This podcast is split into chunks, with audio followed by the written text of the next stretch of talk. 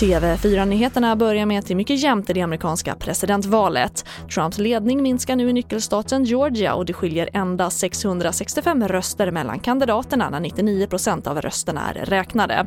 Och Trump kallar valet för riggat och att det förekommer fusk. Det sa han under en presskonferens i Vita huset natten till idag.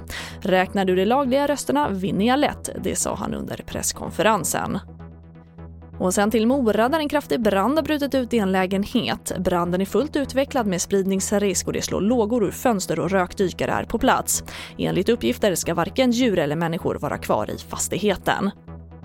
Och vi avslutar med att minst 35 kommuner kommer att kräva ekonomisk ersättning av bolaget Tunstall efter omfattande problem med trygghetslarm. Det visar en enkät som TV4 Nyheterna gjort. Problemen inträffade efter en systemuppdatering i oktober då svarstiderna på larmen gick från några sekunder till timmar. Ett dödsfall i Luleå kopplas till händelsen och 104 kommuner uppger i enkäten att man drabbats. Men larmen ska nu fungera igen.